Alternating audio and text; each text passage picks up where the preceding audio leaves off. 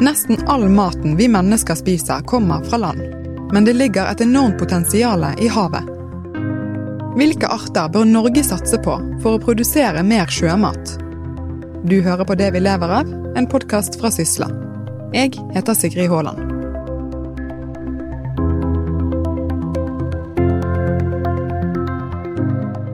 Jeg tenker at det er et stort potensial for Norge å bidra med mer eh, mat fra akvakultur og utvide spekteret av arter. Dette er Hilde Toften, forskningssjef for avdeling produksjonsbiologi i divisjon akvakultur ved forskningsinstituttet Nofima.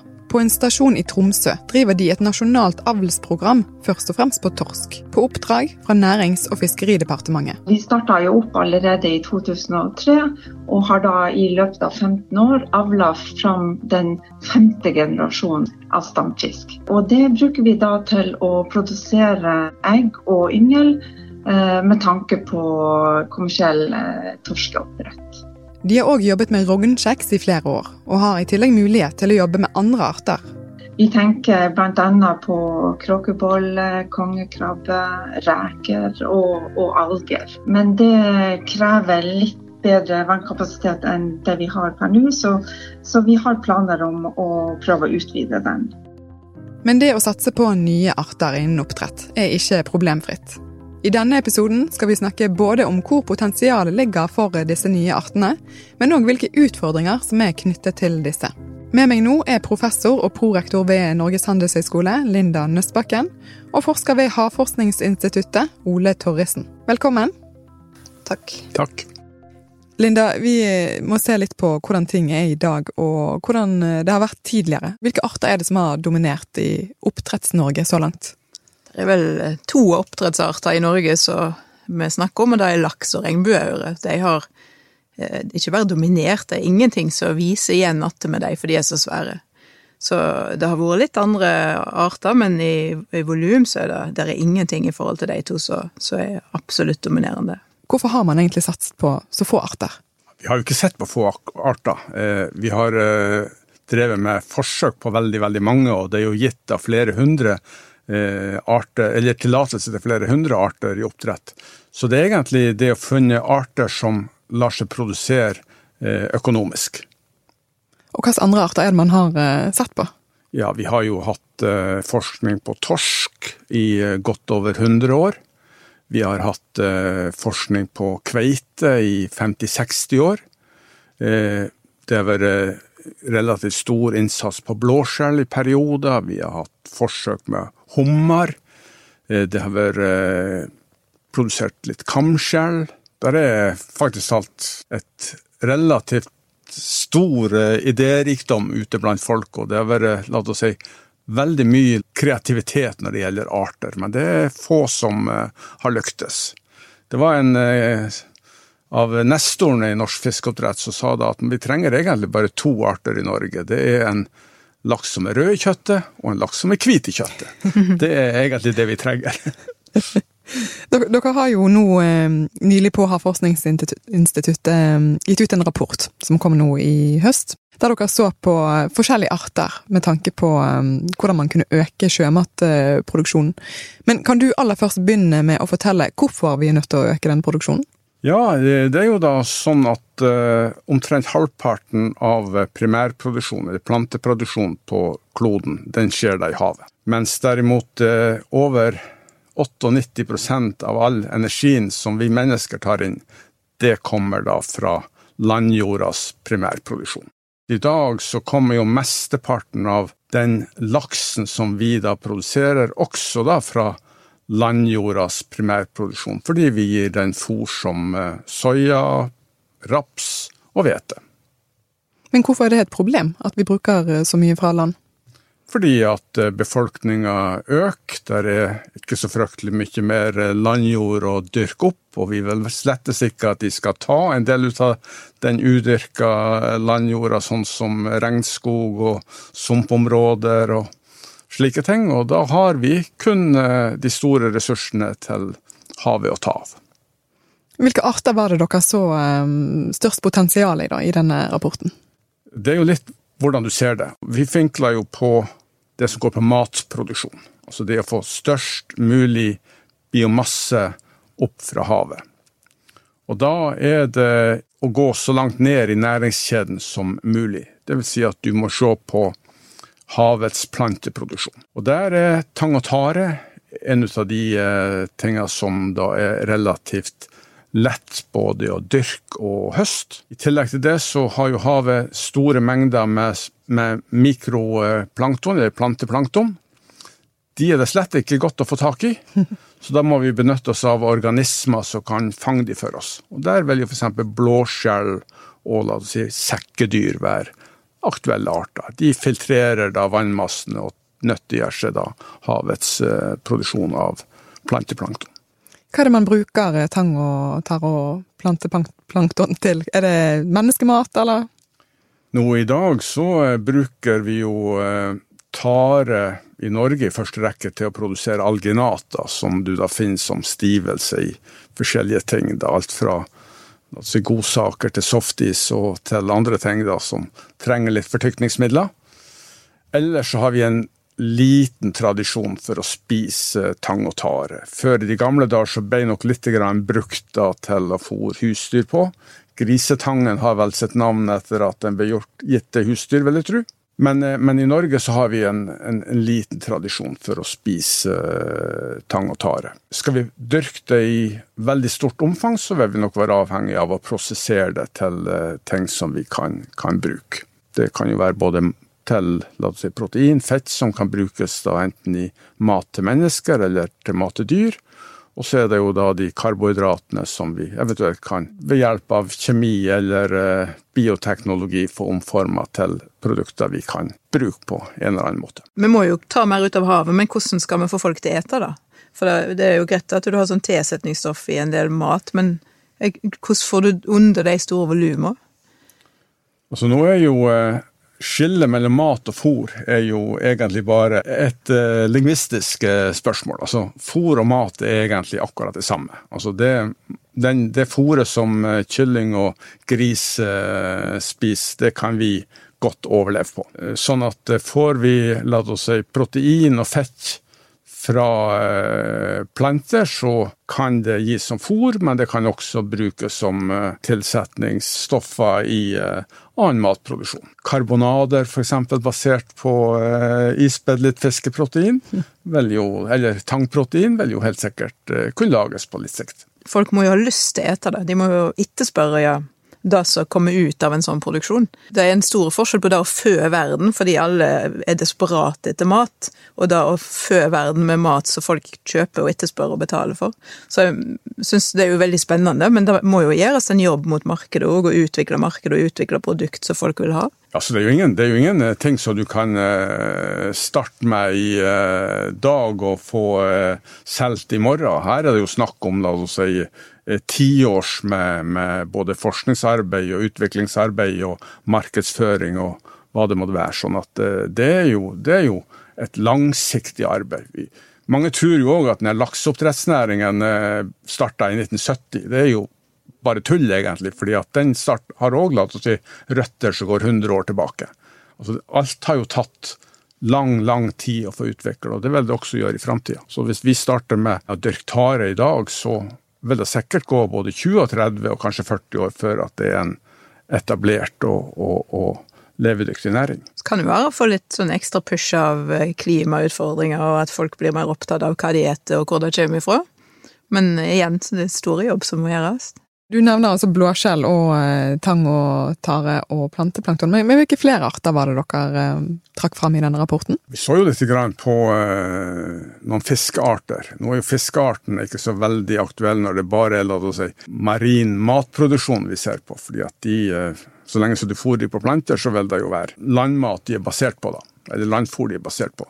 Men eh, det er klart det finnes eh, mange spennende arter. Stør, for eksempel.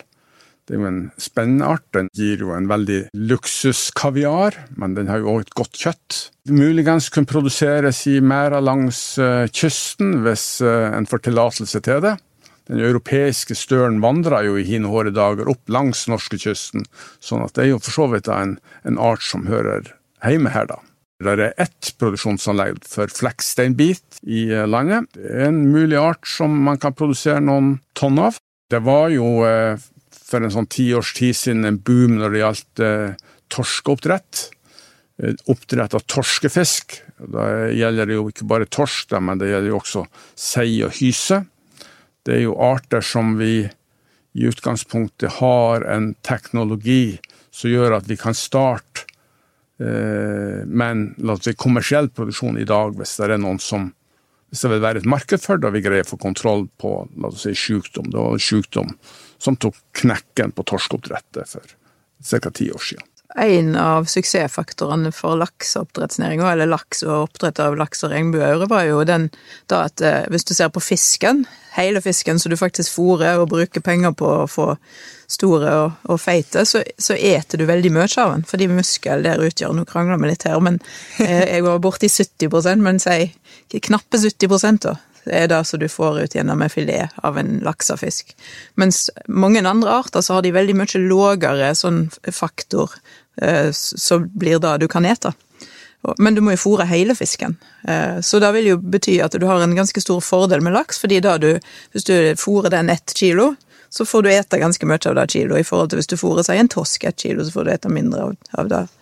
Eh, men da er jo da det er negativt for, for, torsk, og det er negativt for en del andre hvitfiskarter, sikkert mange andre arter også, som vi har snakket om her. Men, eh, men da bare sånn ei oppside her, og er jo det som eh, kan jo gå til Island og se hvordan de nå bruker toskeråstoffet sitt, og har hatt veldig fokus på at de skal utnytte hele fisken, 100% av fisken, ikke bare det som går til, til mat av eh, muskel eller fileten. Eh, og i hva grad de har lønnsomhet på absolutt alle disse biprodukter, da, da, da, vet jeg ikke. Men det er utrolig spennende når du ser hva de får til, og hvor godt de bruker dette råstoffet. Og hvis du da klarer å få, å få verdi ut av det som ikke er kjøtt, da kan det jo være at det åpner seg nye muligheter for, for disse artene som ellers ikke hadde vært så effektive å drive oppdrett på.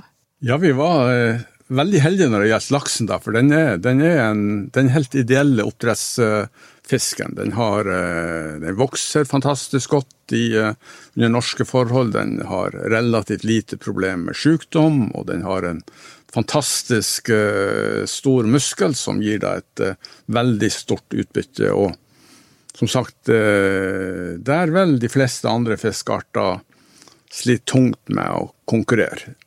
Det som vi kanskje kunne hatt uh, som et lite tilskudd til laksning er en annen laksefisk da, som også vel, har et potensial da, i mær, og det er jo røye. Det er jo en fantastisk fin fisk som vi sannsynligvis kunne produsert mye av i, i Norge. En annen begrensning i Norge er jo at vi har bare det, vi har en lang kyst, men vi har òg ganske mye oppdrett langs den kysten i dag, av laks og aure. Eh, så sånn sett så er jo lokaliteter en knapphet. Så hvis vi har de lokalitetene vi har, vil ikke da røya vært en art vi heller ville byttet med laks? Fordi er det ikke litt de samme tingene de, de ville vært og spredt seg imellom, eller? Nei, røya, hun Eller en av de utfordringene med røya er jo at han tåler salinitet litt dårligere enn laksen. Sånn at røya vil jo være bedre egnet til oppdrett inne i fjorda, mens laksen da er ute på kysten. Men sånn som lakselus og sykdommene som laksen har, de ville ikke gått på røya? Det er vel de helt sikkert gjør. sånn at eh, det vil være en utfordring med, med sykdom. Men, men sykdom og parasitter er veldig få uansett hvilken, hvilken art du, du oppdretter på. Så det, det, er bare at der må du ha en uh, solid og uh, god forskning og et Eh, godt utviklingsarbeid for å greie å ligge litt på forskudd av, eh, av sykdommen og parasitten. Nå uttaler jeg meg helt uten kunnskap om sykdom og sånne ting, så det er jo helt andre folk sitt bord, men sånn som jeg tenker som, som økonom, hvis du har en gitt kyst som du kan bruke på noe, så må du bruke den der som betaler seg mest.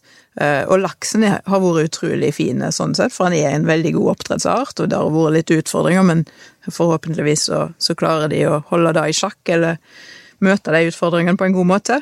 Men hvis du da skal legge inn en ny art, så ville jeg lagt inn en som komplementerer den produksjonen som er der på en eller annen måte, og ikke en som konkurrerer. Jeg ser jo på si og er såpass like, og hvis det da er sånn at det er litt de samme eh, ja, lusa kan gå fra den ene til den andre og sånn, så, så vil da, da vil jeg heller hatt en laks der enn ei, enn en, en veldig like fisk som vi ikke er så gode på. Mens hvis du skulle lagt til noe, så måtte det jo vært noe, og jeg vet ikke i hva grad det er mulig, lagt til noe som ikke sprer smitte mellom laks og denne nye arten. For da kunne du gjerne utnytta plassen enda bedre, og lagt det der så det ellers ikke hadde fått lov å leie et lakseoppdrettsanlegg. Jeg vet ikke. Jo, det, det, stemmer det, men eh, det er jo da å finne den eh, gode arten, da. Ja. Eh, og vi har jo begrensa litt av det regelverket vi har i landet om at vi ikke kan vi ha andre arter i åpne merdsystemer enn de som hører hjemme på kysten. Sånn at det er òg en utfordring, da, at vi må ha på en måte lokale arter. Og da er det et begrensa utvalg hvis vi skal se på la oss si, aktuelle oppdrettsarter. Da er det altså torskefisken med den eh, lavere filetutbyttet, det vil være steinbit som utnytter mervolumet dårlig, altså den er jo en bunnlevende fisk. Vi har kveite, som også er en veldig komplisert art å oppdrette, og som eh, også krever areal heller enn volum. Så der er, der er, litt eh, begrensninger i det, de valgmulighetene, hvis vi på en måte skal bare holde oss til de lokale artene. En god del av disse artene er vel sånn som så, kunne passe godt i, med landbasert. At det ene er noe å prøve seg på heller, heller enn laks på land, eller i tillegg til laks på land. Det skjer jo veldig mye på teknologisida nå, fordi de er så hissige på å få laksen opp på land. Om ikke hele livsstadiet, så iallfall til den er blitt store smolt. Eh, som at du lærer noe der som du da kan bruke og ha bedre muligheter inn i disse nye andre artene. Ja, men eh, landbasert eh, har sine klare begrensninger. Altså det å pumpe sjøvann opp på land, det er ekstremt energikrevende og fryktelig dyrt. Sånn at eh, da skal du ha en art som betales veldig, veldig godt.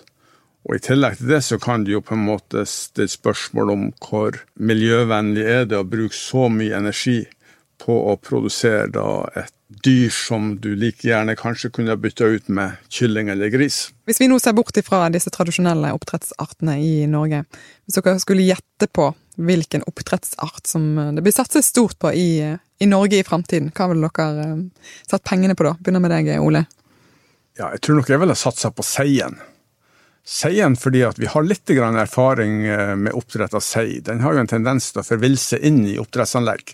Og Da får du en fantastisk eh, fin sei som er helt snøhvit i kjøttet, og som har god kjøttfylde, og som smaker fantastisk. Så det er en kjempefin fisk da, eh, til å drive da, eh, oppdrett med. Så kanskje hvis jeg skulle drive som oppdretter, så har jeg satsa på seien. Hvis jeg skulle velge en art å drive forsk på, så tror jeg nok jeg har tatt støren. Det har vært en fantastisk art og fått lov til å bruke noen millioner, eller kanskje noen titalls millioner til forskning på.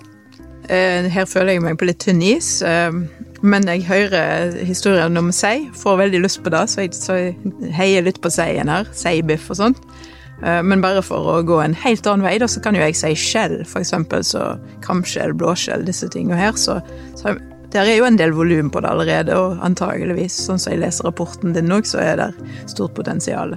Det kommer jo en eh, rapport eh, mest sannsynlig i eh, september nå, som jeg har skjønt at dine kollegaer skal være med på, Ole.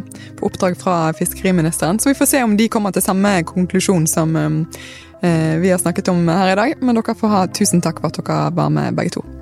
Takk for at vi fikk lov. Tusen takk. Vi har så vidt vært inne på dette med oppdrett på land i denne episoden. Og tidligere så har vi viet en hel episode til dette temaet og den finner du i podkastappen din eller på Sysla sine nettsider.